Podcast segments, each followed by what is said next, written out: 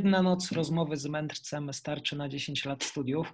Takie przysłowie chińskie znalazłem. E, co prawda, jedna noc nie wystarczyłaby, żeby zrozumieć wątki i zagadnienia chińskie, ale dzisiaj akurat spróbujemy krótko je zarysować z panem e, Michałem Lubiną z Instytutu Bliskiego i Dalekiego Wschodu Uniwersytetu Jagiellońskiego w Krakowie, który zajmuje się współczesną Birmą oraz stosunkami rosyjsko-chińskimi. Dzień dobry panu.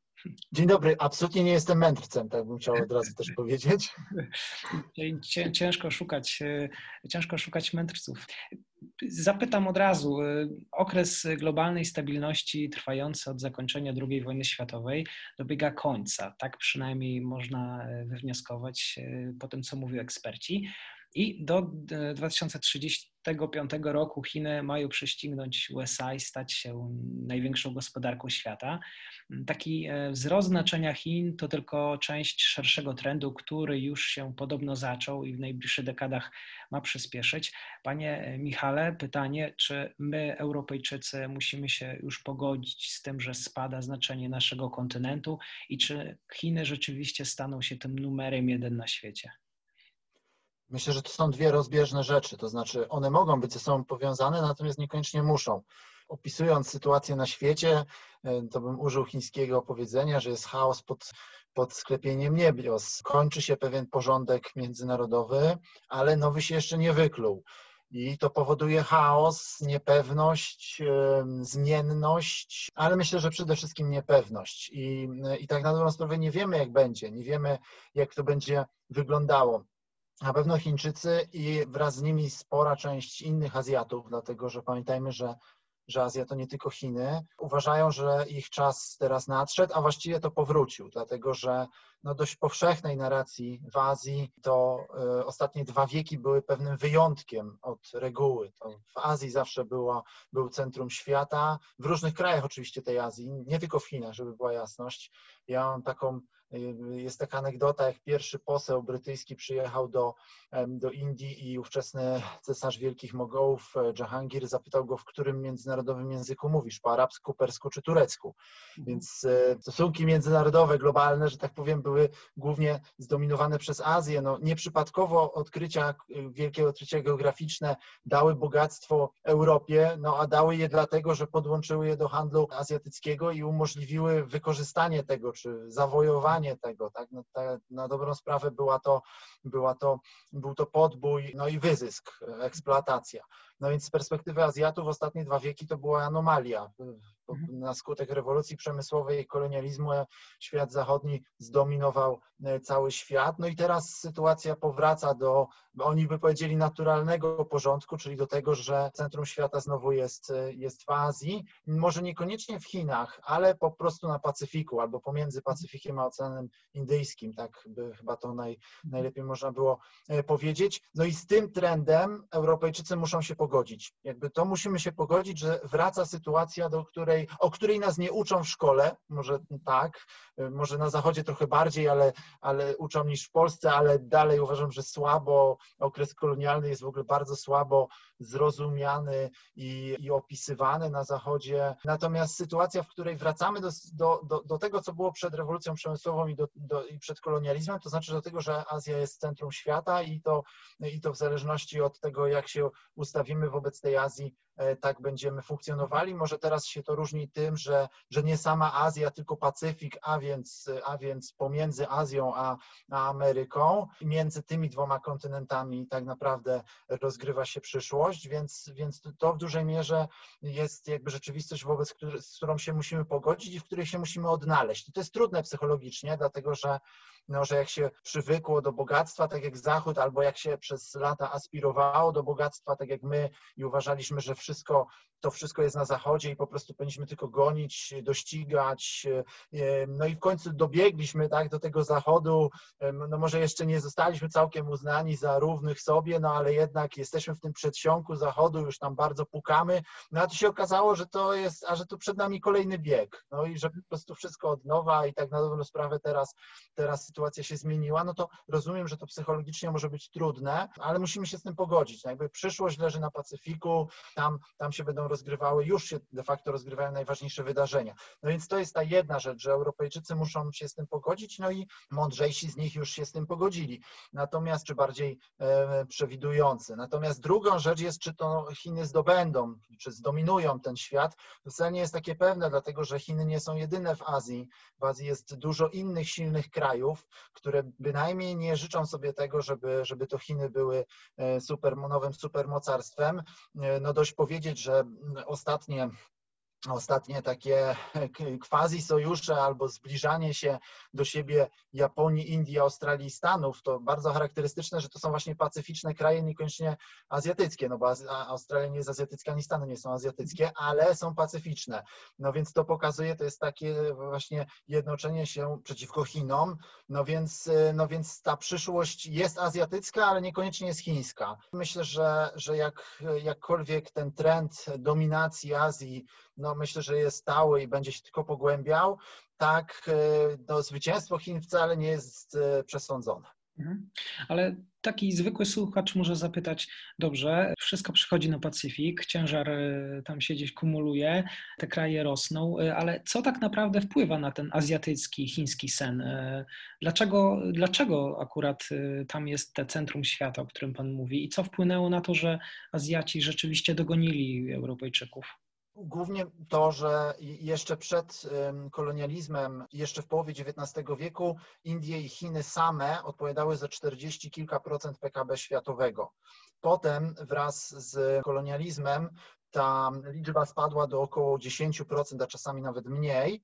Natomiast teraz to powraca. Teraz już mamy w okolicach 30% i będzie tylko rosło. Po prostu państwa te zyskały, stały się coraz ważniejsze w, w globalnych e, łańcuchach dostaw, stały się coraz ważniejsze w systemie międzynarodowym, a w nich samych wzrosła klasa średnia. No jeśli w samych Chinach komuniści, czy to są komuniści skrzyżowani z nacjonalistami, ale, ale komunistyczna partia Chin w ciągu, w ciągu 30 lat wyciągnęła z biedy w okolicach 700 milionów ludzi i teraz przynajmniej znaczna część z nich stała się klasą średnią. Jeżeli mamy teraz porównywalną e, liczbę e, ludzi z klasy średniej w reszcie Azji, mamy klasę średnią w Indiach, mamy klasę średnią w, w Indonezji, w Tajlandii, nie mówiąc o Singapurze czy Malezji.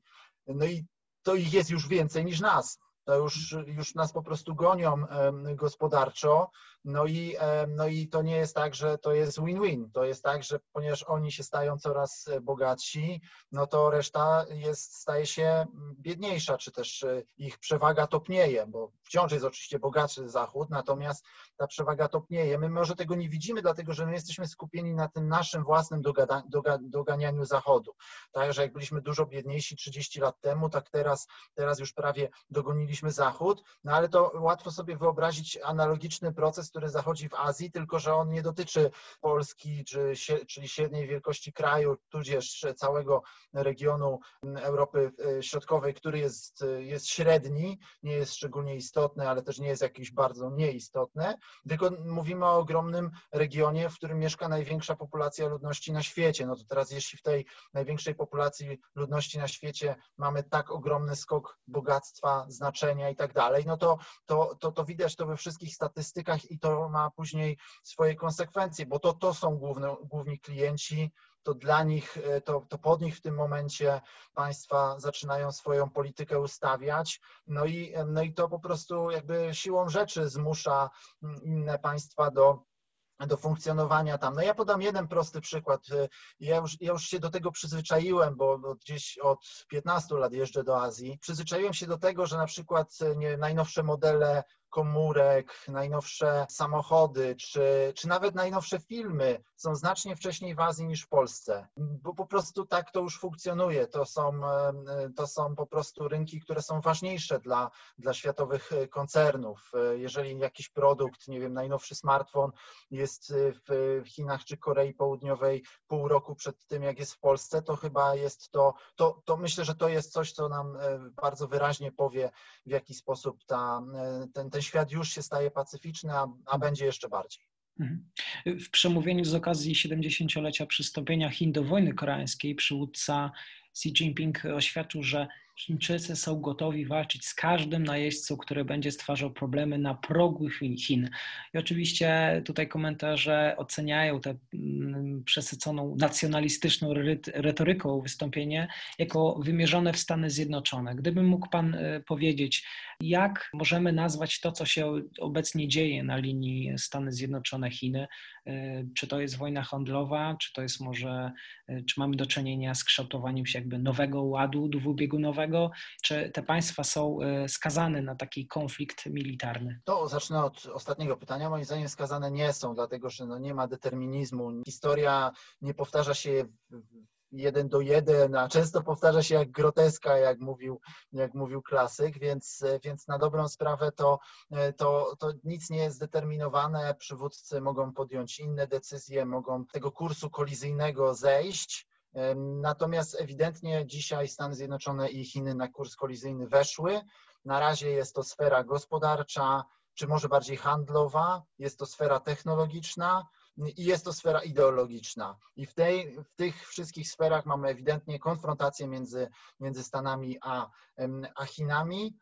No i zobaczymy, czy tak będzie dalej. Wydaje mi się, że jednak tak dlatego że Stanom bardzo trudno jest się godzić z tym, że ich pozycja słabnie i że nie są już tylko jedynym mocarstwem, które może tutaj narzucać swoje, swoje wzorce. Z kolei Chiny są już zbyt silne i dla siebie i też zarówno obiektywnie, jak i subiektywnie żeby się były w stanie podporządkowywać temu systemowi obecnemu. No i efekt tego jest taki, że właśnie tworzy się nam nowy ład, który niekoniecznie będzie dwubiegunowy. On może być wielobiegunowy, dlatego że nie zapominajmy wciąż o tych pozostałych państwach, o Indiach na przykład, o mniejszych państwach azjatyckich jak Japonia, y, które, które też są istotne, czy o Indonezji na przykład, tak, czy Australii właśnie wspomnianej. Więc, więc to są wszystko państwa, które są, są istotne, więc, więc jak się, jaki się ten ład wyłoni, to, to zobaczymy. Natomiast rzeczywiście jest to sytuacja niebezpieczna, dlatego że, no, że są to, że Stany i Chiny to są na, dwa najważniejsze państwa na świecie i trzeba,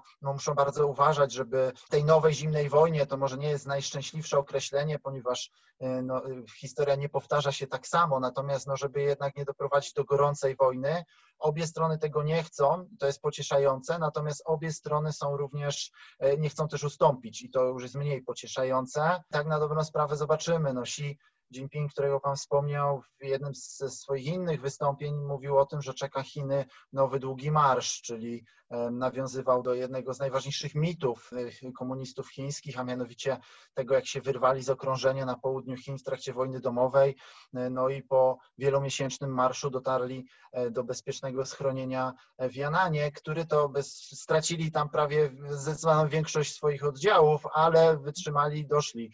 E, no, no, i to jest symbol takiego bardzo pełnego poświęceń, poświęceń wysiłku. No sama nazwa Długi Marsz e, czy Wielki Marsz to, to, no to można podwójnie tłumaczyć, nam wszystko mówi. Także, także wydaje mi się, że czeka nas właśnie taki długi marsz e, rywalizacyjny między, między Chinami a Stanami. Oby pozostał pokojowy i oby pozostał e, w, utrzymywany w jakichś ryzach. E, no, to jest niebezpieczny moment dla świata. Ten okres chaosu to, to jest czas niebezpieczny, ale też czas na szansę. No, jednak Nieprzypadkowo jest chińskie powiedzenie, że niebezpieczne czasy rodzą wielkich bohaterów, więc no zobaczymy. Natomiast no podstawowa, podstawowe uczucie chyba, które jest dojmujące, to uczucie niepewności. No bo czujemy, nawet jak się nie interesujemy polityką światową, to myślę, że podskórnie czujemy, że coś się kończy, że mhm. pewna era się kończy, no a e, jak będzie ta nowa, tego nie wiemy. No i, e, no i stąd ta niepewność. Mhm. Jeszcze tak krążąc, krążąc wokół tematów Pana specjalności, naturalnie jednymi z najważniejszych relacji są też kontakty rosyjsko-chińskie. E, jak one się układają, począwszy od upadku ZSRR i co jest tym czynnikiem spajającym tego chińskiego smoka i rosyjskiego niedźwiedzia? One są wielowymiarowe, te, te relacje, natomiast jeśli Pan pytał o ich e, charakter, to bym odpowiedział, że one się układają w sinusoidę, to znaczy raz są bardzo silne, potem słabną. Na początku, zaraz po rozpadzie ZSRR były bardzo słabe, potem się wzmocniły i później według tego schematu sinusoidalnego funkcjonowały. Ostatni od 2014 roku mamy wyraźny, wyraźną poprawę relacji rosyjsko-chińskich e, od Ukrainy, od kryzysu ukraińskiego. No i one są wielowymiarowe, dlatego że na poziomie politycznym czy polityki międzynarodowej one są w dużej mierze takim nieformalnym sojuszem dwóch autorytarnych mocarstw przeciwko Stanom Zjednoczonym i ich porządkowi międzynarodowemu, ale z sojuszem takim miękkim, to znaczy nie rzucają wyzwania temu światu jeszcze w sposób twardy, to znaczy konfrontacyjnie militarnie, natomiast na jak najbardziej dyplomatycznie czy politycznie. W ONZ się wspierają, wspierają się wzajemnie w dyplomacji, natomiast też bardzo silnie podkreślają, że sojuszem nie są, dlatego że byłoby to mało elastyczne dla obu stron. Jeszcze może Rosjanie to by bardziej chcieli, ale Chińczycy to blokują, e, więc to w sferze politycznej to zdecydowanie jest anty, antyrelacja. Natomiast e, to nie jest tylko antyrelacja, jakby patrzenie na relacje rosyjsko-chińskie tylko przez pryzmat e, no, polityki międzynarodowej byłoby dużym uproszczeniem, dlatego że tu jeszcze są bardzo silne związki gospodarcze, które zasadniczo są bardzo proste w naturze. To znaczy Rosja sprzedaje surowce i broń Chinom, no i w obu tych przypadkach jest dla Chin bardzo ważna, dlatego że no surowcowo de facto Rosja stała się zapleczem mm, dla Chin. To ważnym, ponieważ, ponieważ jest on, graniczą ze sobą na lądzie, Amerykanie nijak nie mogą tego, te, temu przeszkadzać. Natomiast jeśli chodzi o broń, no to dalej rosyjska broń jest jednym z najważniejszych elementów w modernizacji chińskiej chińskiej armii. Do tego dochodzą jeszcze relacje regionalne. Rosjanie jeszcze 20 lat temu to się bali sinizacji, Syberii, e, a teraz to z wytęsknieniem czekają na tych Chińczyków, żeby ci Chińczycy nam przyszli, inwestowali i jakoś podźwignęli te, te biedne regiony e, rosyjskie, azjatyckie regiony rosyjskie, więc to jest ogromna zmiana też społeczna. Pomimo tego e, lęki wciąż pozostają, szczególnie właśnie po, po stronie rosyjskiej. Po stronie rosyjskiej mamy dużo bardziej taką niejednoznaczną tą relację, takie założenie, że, że w sumie to z tymi Chinami trzeba trzymać, żeby wytrzymać presję ideologiczną ze strony Zachodu, więc e, ze strony chińskiej z kolei też jakiejś wielkiej miłości ani zaufania do Rosji nie ma, natomiast jest założenie, że, no, że są ważniejsi przeciwnicy, e, czyli Stany Zjednoczone i w związku z tym trzeba jednak tą Rosję mieć po swojej stronie. No więc to jest takie trochę małżeństwo z rozsądku, te, te relacje rosyjsko-chińskie, ale jest to małżeństwo z rozsądku, które jest stabilne. Ja bym powiedział, że to jest azjatyckie małżeństwo z rozsądku. W Azji małżeństwo z rozsądku brzmi bardzo dobrze, czy brzmiało, bo to mówimy mówimy o powiedzmy czasach jeszcze przed tym, e, przed tym, przed współczesnością, kiedy te wzorce kultury zachodniej i tam dotarły i zaczęły przemieniać, natomiast tradycyjnie rzecz biorąc małżeństwo z rozsądku traktowano jako bardzo stabilne. Tam żadnej miłości między Moskwą a Pekinem nie ma, żadnych większych uczuć, natomiast podstawy są dość, dość stałe, no i przede wszystkim jakby to małżeństwo nie bardzo się ma jak rozpaść, bo nie, nie widać kochanek, to znaczy nie widać za bardzo e, z kim oni mogliby ze sobą zerwać, dla, dla kogo oni mogli ze sobą sobą zerwać, dlatego że, no, że żadne państwo nie jest w stanie zaoferować im na razie lepszych, e, lepszych e, możliwości, więc, więc trwa ten związek. On bardziej służy Chinom niż Rosji, ale Rosji też jakoś nie szkodzi, e, więc no, zarabiają pieniądze na tym swoim gazie, na tej ropie, na, na, na, na,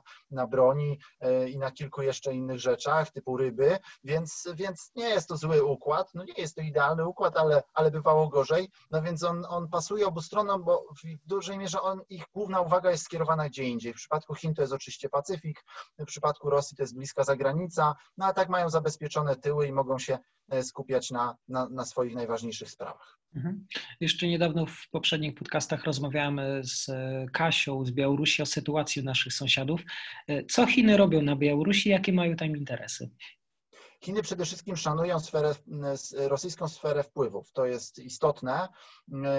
I to było bardzo wyraźnie widać od sierpniowych protestów na Białorusi, e, kiedy tak naprawdę Chiny zostawiły tą sprawę Rosji. To znaczy Chiny po prostu poparły stanowisko rosyjskie, więc, więc to od razu mówię, dlatego że u nas panuje jednak takie e, przekonanie, które jest w pewnym sensie pokłosiem bardzo sprawnej propagandy, czy bardzo sprawnego PR-u, bo to, to całą rzecz możemy nazwać e, w zupełnie różny sposób sposób i później to ma swoje konsekwencje. Natomiast, natomiast no, u nas panuje takie jakieś dziwne przekonanie, że te Chiny są nie wiadomo jak silne na Białorusi, a tymczasem tak na dobrą sprawę, chociaż one oczywiście tam są, są obecne, to widać ich obecność, no to jednak Chiny są na Białorusi w cieniu Rosji i w tym cieniu jeszcze długo pozostaną. To znaczy Chiny, Białoruś jest jednym z trzech najważniejszych państw w Europie poza Unią Europejską dla, dla, dla Chin.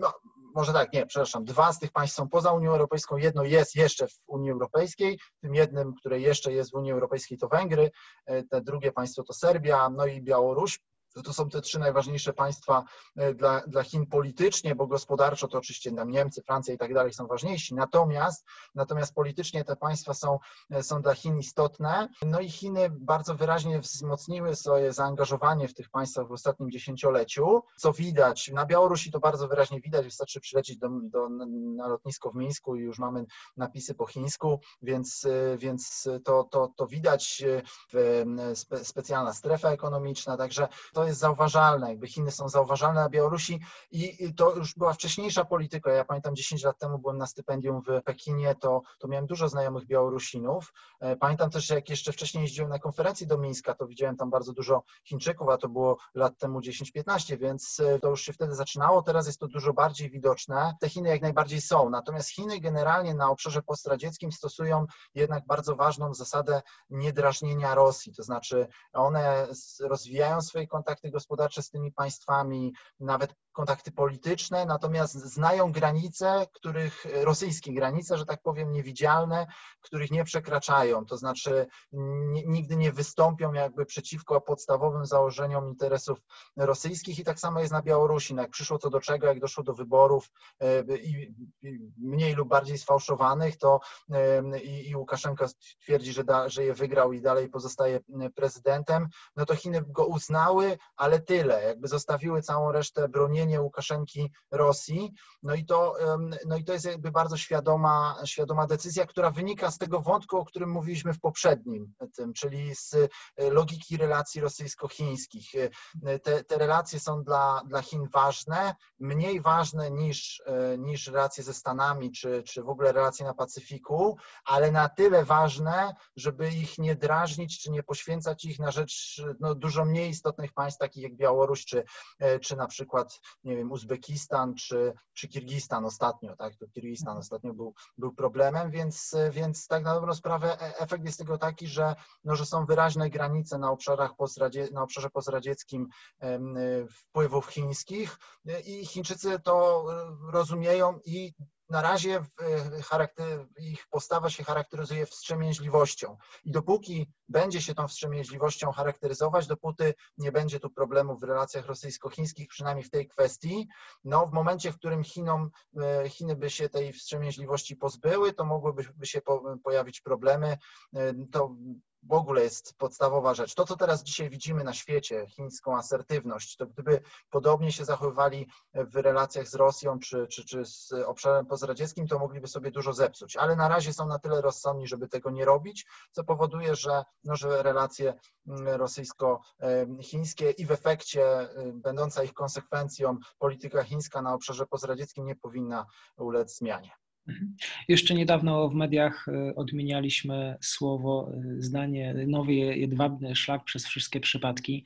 Rozpisywaliśmy się na ten temat, mówiliśmy o tym często. E, gdyby mógł Pan tak w skondensowanej formie wyjaśnić dla kogoś, kto nie wie, czym jest ten nowy jedwabny szlak, czy on się właściwie dzieje, biorąc też pod uwagę ten nasz kryzys ekonomiczny, który teraz nas dotyka. Mhm. Przede wszystkim Nowy Jedwabny Szlak jest znakomitym przykładem i to w Pana pytaniu to bardzo dobrze widać, jest znakomitym przykładem no, doskonałego PR-u chińskiego, dlatego że, że było to hasło rzucone przez, przez Xi Jinpinga w Astanie e, w 2013 roku, a następnie później powtórzone w Dżakarcie No i zasadniczo chodziło o zwiększenie czy odbudowę tras komunikacyjnych łączących Chiny po lądzie z z Europą, a e, morskie w Azji.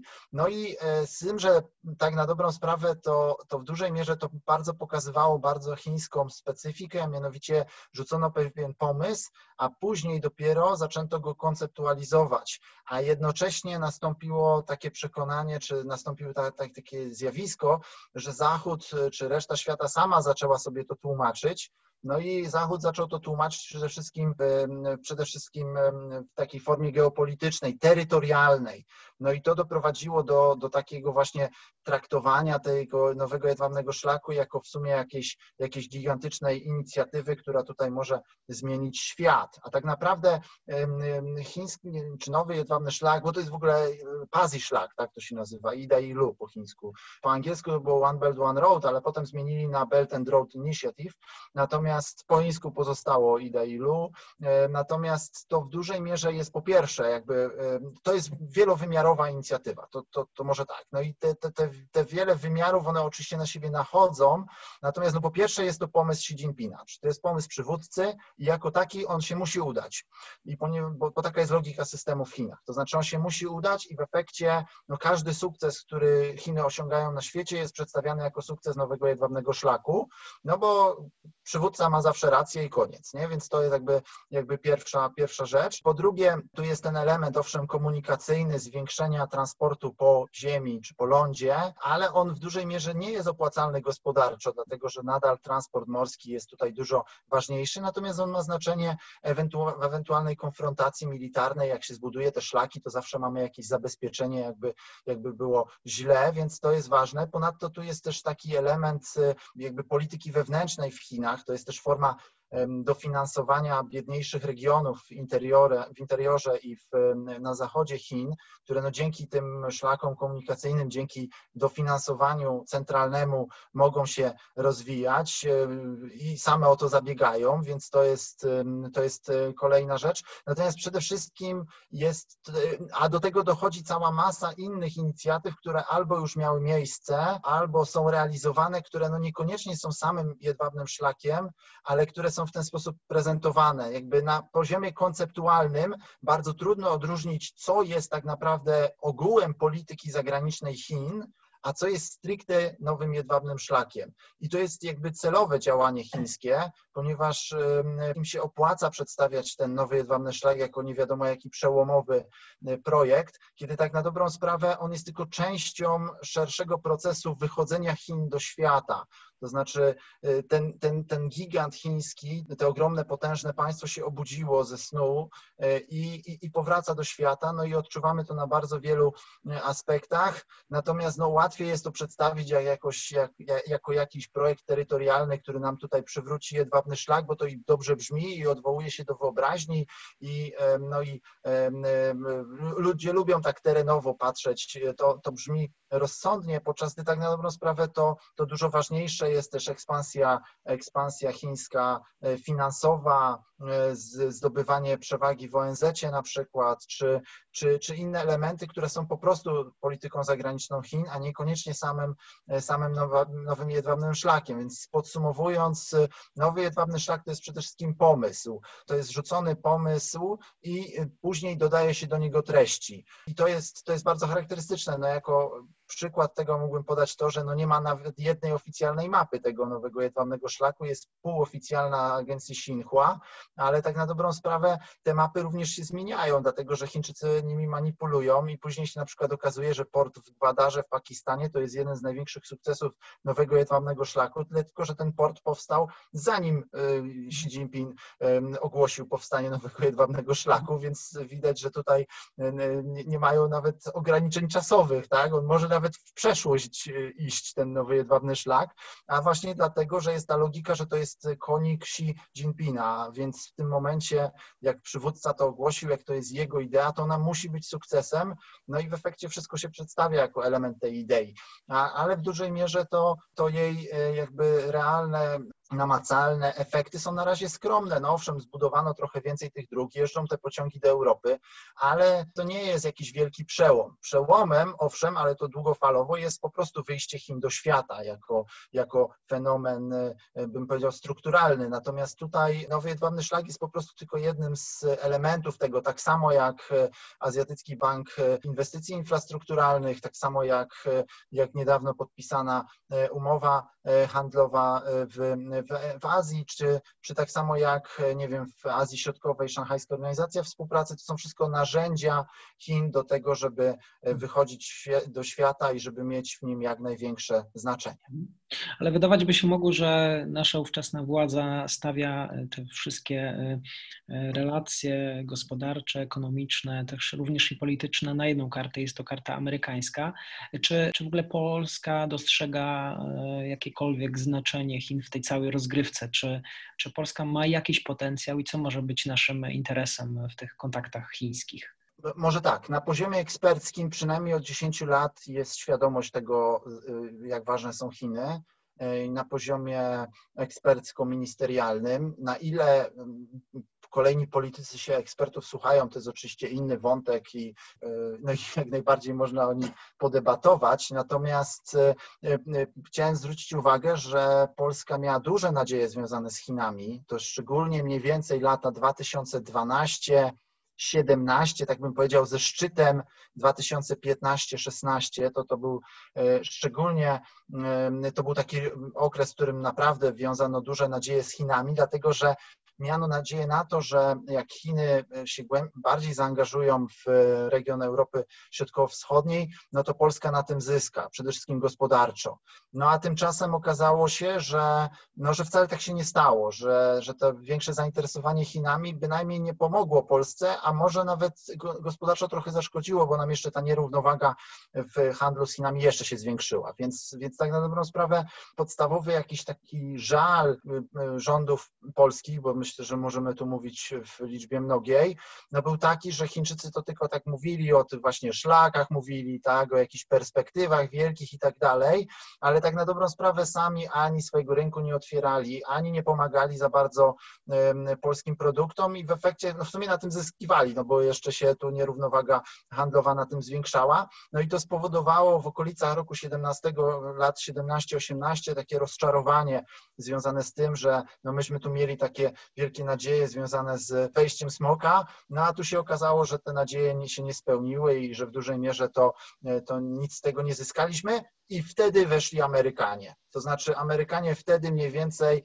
już administracja Trumpa zaczęła bardzo wyraźnie stawiać pod ścianą swoich sojuszników, takich jak Polska, mówiąc im albo, albo, albo jesteście z nami, a, a przeciw Chinom. No i to się nałożyło no, na to istniejące już rozczarowanie, to znaczy, to znaczy na, jakby może tak, jak tutaj patroni amerykańscy powiedzieli, jak ma być, to i tak już nie było gadania, dlatego że, że no, bezpieczeństwo Polski jest związane ze, ze Stanami, więc w tym momencie poziom manewru politycznego jest ograniczony dla polskich elit, przynajmniej przy tym paradygmacie, który jest. W tym momencie jakby no, nie było za bardzo gadania, natomiast to też padło na podatny grunt emocjonalny, ponieważ, no, ponieważ te nadzieje chińskie się nie spełniły jeszcze zanim Amerykanie zaczęli tutaj e, się domagać wyraźnej postawy, więc chwilowo nie, nie, nie widzę jakby większych możliwości na odwrócenie tego trendu, no chyba żeby administracja Bidena postanowiła jednak e, się z, z Chinami jakoś pojednać, w co wątpię, dlatego że myślę, że raczej będzie kontynuować politykę Trumpa tylko innymi metodami, bardziej bym powiedział dyplomatycznymi i bardziej wielostronnymi, natomiast, natomiast no nie wydaje mi się, żeby coś zmieniło, tyle że znowu nie utożsamiałbym Azji tylko z Chinami. E, ja myślę, że jest duża praca do zrobienia w Polsce, e, praca, no, żeby uświadamiać ludziom właśnie to, jak bardzo Azja jest ważna, ale przypominam, że Azja to nie są tylko Chiny. Azja to są również Indie, to jest Azja Południowo-Wschodnia, to jest naprawdę ogrom różnych możliwości, który absolutnie nie przeszkadza naszym dotychczasowym, naszemu dotychczasowemu zaangażowaniu, czy to politycznemu, czy, czy gospodarczemu, czy ze Stanami relacjom, czy, czy z Unią Europejską. Naprawdę nikomu nie przeszkadza, że się robi interesy z Indiami, Japonią, Koreą Południową, Indonezją, Tajlandią, Malezją, Singapurem, Filipinami, Birmą i tak dalej. Tak? To jest jakby zupełnie e, inna bajka, więc jakby patrząc na Azję, nie patrzmy tylko i wyłącznie przez pryzmat Chin, które oczywiście są najważniejszym państwem, natomiast e, nie są państwem jedynym e, i jak u nas się często mówi, że Niemcy dominują w Unii Europejskiej, co być może jest prawdą, ale to Chiny dominują w Azji znacznie mniej niż Niemcy w Unii Europejskiej. A przecież w Unii Europejskiej też nie jest tak, że Niemcy robią co chcą. Więc miejmy tego świadomość, tego szerszego obrazu, że jest naprawdę Azja to nie tylko Chiny. Mhm. To jeszcze tak zapytam na koniec. Zwykły Kowalski mógł obserwować e, tytuły w polskiej prasie odnoszące się do prześladowań, cenzury, manipulacji w Chinach. E, organizacja Human Rights Watch wielokrotnie jakby nie pozostawiała suchej nitki e, na Chinach. Rzekomo też e, wedle dziennikarzy różnych doniesień, także i zarzutów Stanów Zjednoczonych, kraj zagraża międzynarodowemu systemowi praw człowieka. Jak to jest rzeczywiście w końcu z tymi prawami człowieka w Chinach i co na to kraje Zachodu? Jaka jest taka rzeczywistość? No, ewidentnie prawa człowieka są łamane w Chinach, co do tego nie ma żadnych wątpliwości. najbardziej łamane są prawa e, Ujgurów, to jest oczywiste. Później na drugim miejscu Tybetańczyków, więc, więc co do tego nie ma żadnych e, złudzeń. Natomiast e, to jest jakby, no, jakby reżim praw człowieka, czy, czy, czy cały system ochrony praw człowieka, no jest w pewnym sensie dzieckiem czasów powojennych i zwycięstwa Zachodu w zimnej wojnie i w dużej mierze to są wartości zachodnie, to znaczy oczywiście możemy dyskutować, na ile się one zuniwersalizowały i objęły znaczną część świata, a na ile nie, tak, na ile one są ogólnoludzkie, a na ile nie, to jest oczywiście bardzo ciekawa dyskusja filozoficzna, natomiast na poziomie politycznym państwa azjatyckie zasadniczo, czy wiele państw azjatyckich, jeśli bym powiedział, że większość państw azjatyckich je po prostu odrzuca.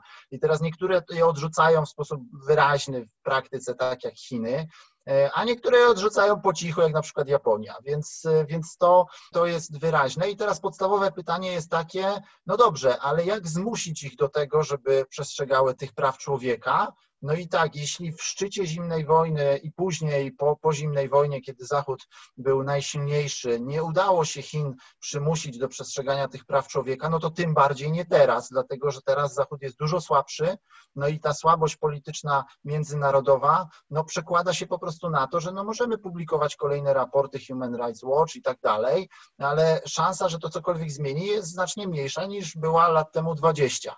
I to trzeba mieć tego świadomość, że prostu te państwa są inne, funkcjonują według innych zasad i e, nie, coraz mniej się przejmują tymi hasłami. Chińczycy, w ogóle po chińsku prawa człowieka jest Zhenciuan, kiedy słowo rzęd to jest człowiek albo ludzie, a ciuan to jest władza albo prawo, ale już jakby na tym poziomie językowym widzimy różnicę. No, jak ktoś chce mieć prawa, to musi mieć władzę, tak? To bardzo ładnie wygląda. Zresztą w innych azjatyckich językach jest całkiem podobnie, więc, więc e, to po prostu jest bardzo trudne podglebie kulturowe dla praw człowieka, ale to też nie znaczy, że ci ludzie tam mieszkający to jest jak pełny Orwell. No Orwell to może być w Chinach w jednej prowincji, czyli w Xinjiangu i tam naprawdę jest strasznie, co zaświadczam, byłem tam trzykrotnie i to jest okropne doświadczenie, podróżowanie po Xinjiangu e, z kontrolami, z checkpointami co 100 metrów, e, z pełną kontrolą ludności, a teraz jak słyszymy jeszcze z obozami pracy. Natomiast to jest jednak wyjątek w skali chińskiej.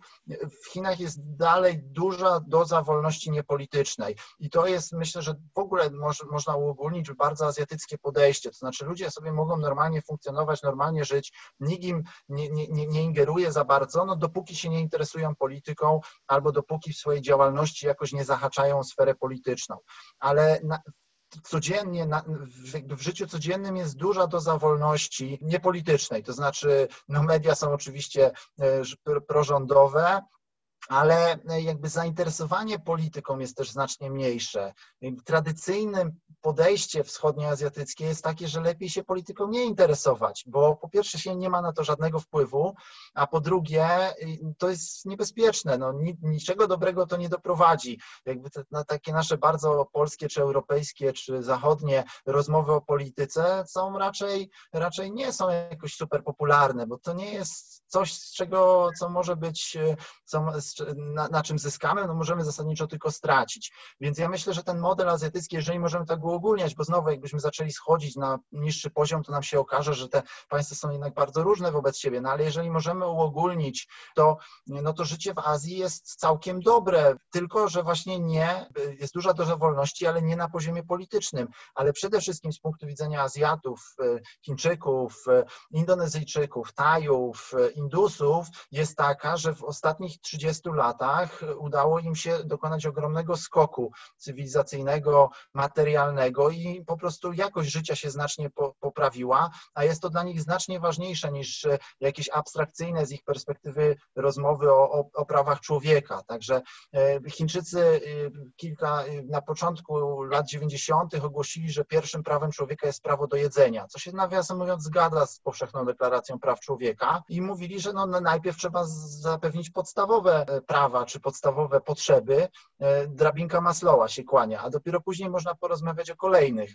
No i myślę, że to przy całej oczywiście hipokryzji politycznej, która towarzyszy tego typu komentarzom, myślę, że to jest jednak podejście, które jest dość powszechne w Azji, no że jednak y, najpierw, najpierw to trzeba się z tej biedy wyciągnąć, potem się wzbogacić, a potem możemy pomyśleć, z tym, że różnica jest taka, że to jest zupełnie inne podglebie, więc niż, niż zachodnie, a na, na zachodzie jednak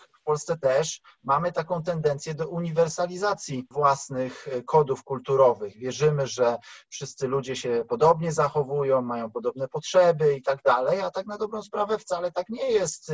Jednak bardzo wiele potrzeb jest inspirowanych czy wpływa na nie kultura, a ta tutaj jest diametralnie inna. To nie znaczy, że, nie, że to nie, nie ma szans na jakieś prawa człowieka w, w, w Chinach czy, czy w innych krajach azjatyckich, ale znaczy to, że jest znacznie trudniej. A teraz, jak politycznie e, Zachód jest dużo słabszy, no to, to tym bardziej, e, tym, tym trudniej o to.